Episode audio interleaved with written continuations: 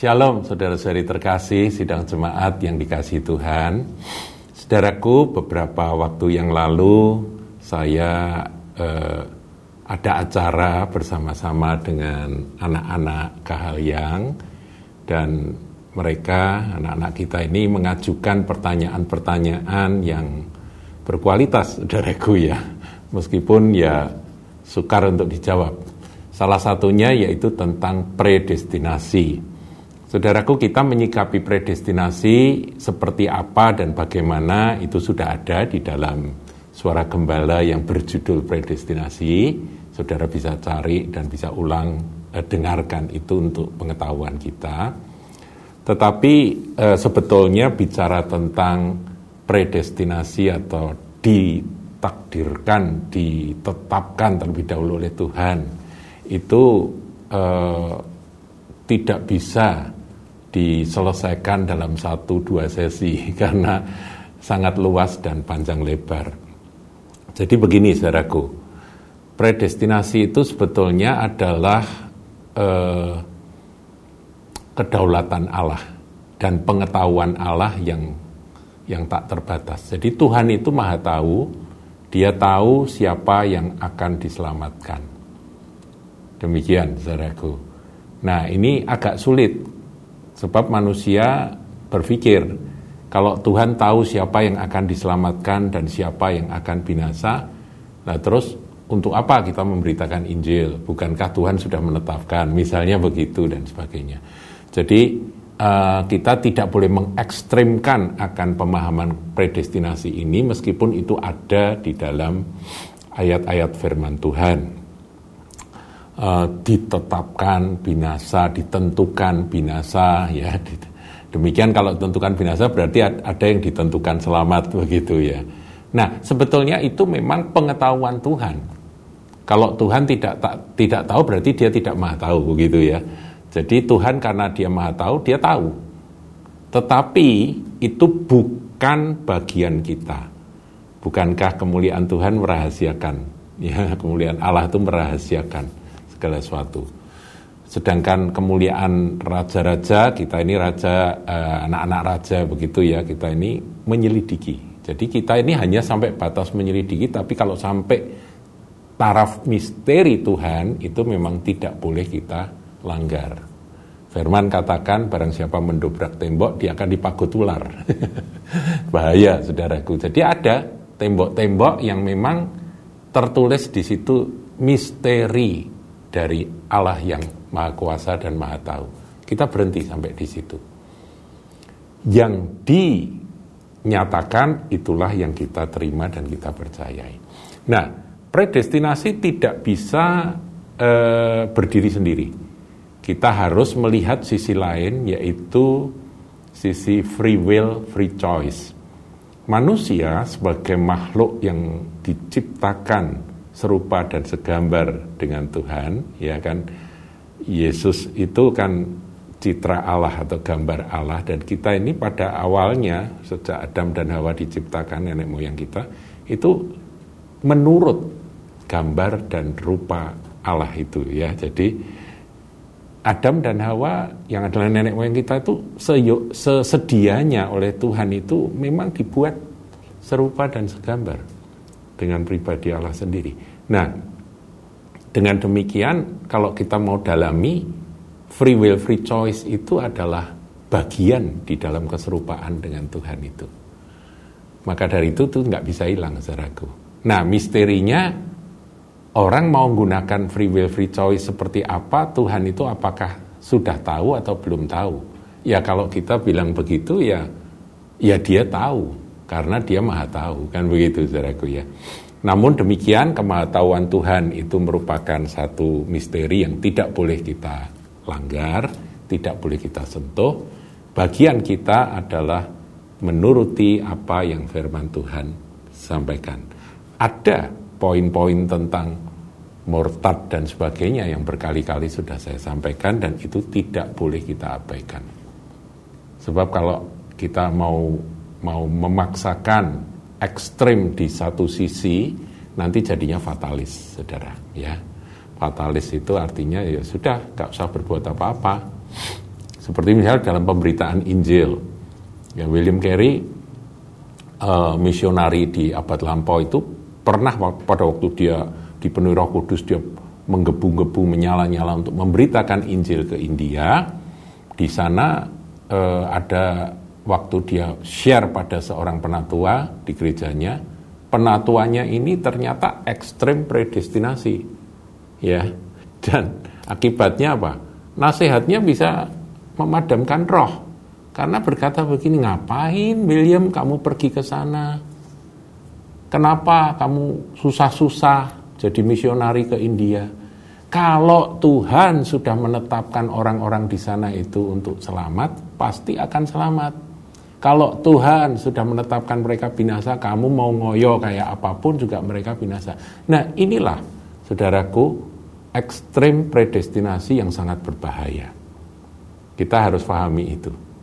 Jadi kita ini menerima predestinasi itu sebagai sesuatu untuk diri kita pribadi dengan ucapan syukur kita terima dengan dengan apa ya dengan rasa terima kasih yang begitu besar karena siapakah aku ini sehingga engkau mau memanggil dan memilih aku.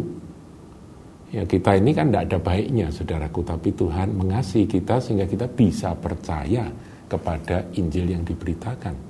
Kalau ada orang lain yang lebih baik dari kita, tapi mengapa mereka tidak bisa percaya? Nah, itu misteri. Kita terus berdoa, kita terus berusaha. Tapi selebihnya itu misteri Tuhan. Nah, saudaraku, ada satu ayat terkenal yang saya akan bacakan.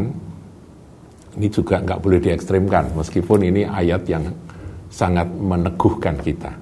Di dalam Yohanes 15 ayat 16. Bukan kamu yang memilih aku, tetapi akulah yang memilih kamu. Nah ini saudara harus yakini betul bahwa kita ini bisa jadi anak Tuhan itu karena pilihan Tuhan. Kalau ini di, eh, di apa itu di difahami sebagai predestinasi, ya betul juga Tuhan telah memilih. Kenapa dia memilih? Ya nggak tahu.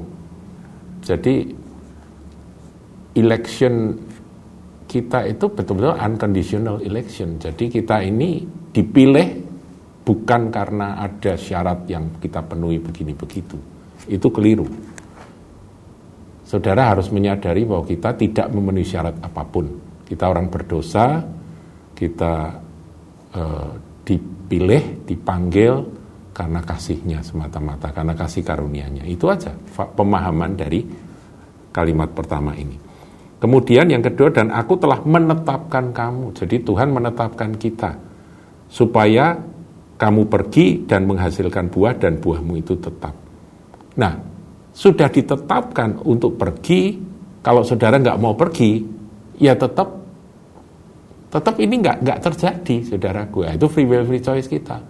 Kita meyakini bahwa aku telah ditetapkan untuk pergi, tapi nggak pernah mau pergi pergi meninggalkan akan kehidupan lama, pergi meninggalkan akan kenyamanan untuk rela melayani Tuhan atau apa pun.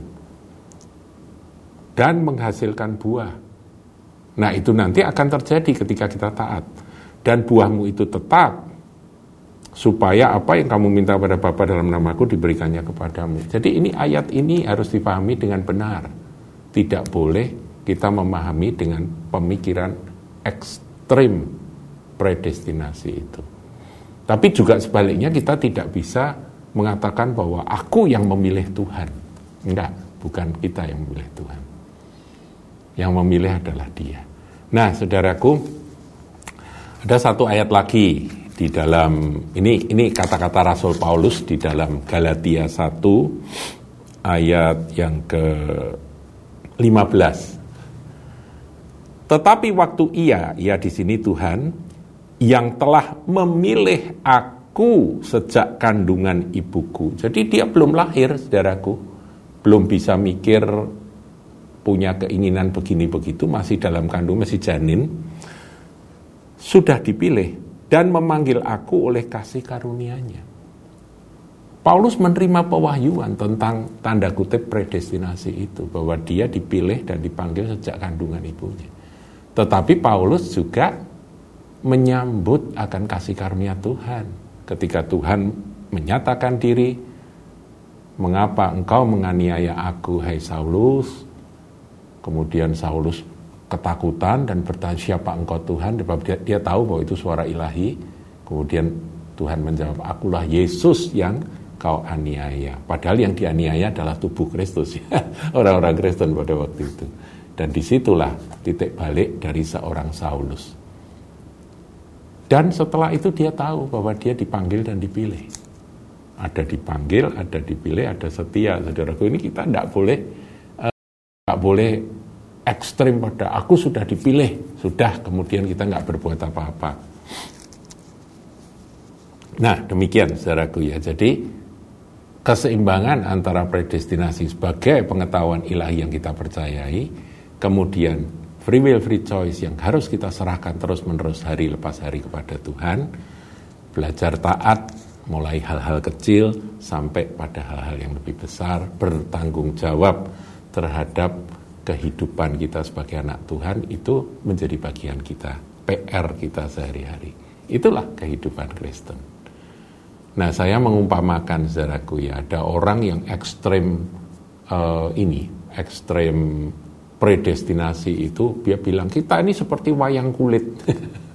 Tahu ya wayang kulit ya dulu waktu saya kecil itu hiburan sebelum ada televisi itu hiburan yang terkenal itu ya wayang kulit.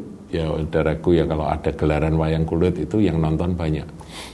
Nah, itu pinter-pinternya dalang memainkan. Wayang kulit itu kan kulit, saudaraku benda mati yang tidak bisa apa itu, nggak bisa punya mau itu cuma maunya dalang. Nah, orang yang memahami predestinasi secara ekstrem dan salah itu menyamakan dirinya seperti wayang kulit. Padahal mungkin saudaraku kalau diilustrasikan kita ini mirip seperti wayang orang. Nah saya dulu waktu kecil juga suka nonton wayang orang saudaraku ya. Nah kalau wayang orang itu meskipun ada dalangnya, ada sutradaranya, tetapi para pemain-pemain ini main sendiri dengan sendirinya. Bahkan dia bisa berimprovisasi. Dikasih eh, ini apa plot ceritanya, kamu jadi Arjuna, kamu jadi Sri Kandi, kamu jadi Gatot Kaca, begitu ya. Itu mereka latihan mereka latihan dan mereka tampil. Dan pada waktu tampil saudaraku itu masing-masing pribadi itu tidak kehilangan akan free will free choice mereka. Tapi mereka taat kepada dalang taat kepada sutradaranya aku akan memainkan ini supaya tampilanku ini yang terbaik. Meskipun demikian apa tidak ada kesalahan ada kesalahan. Nah di situlah improvisasi. Ketika ada kesalahan dia berusaha memperbaiki tanpa diketahui oleh penonton.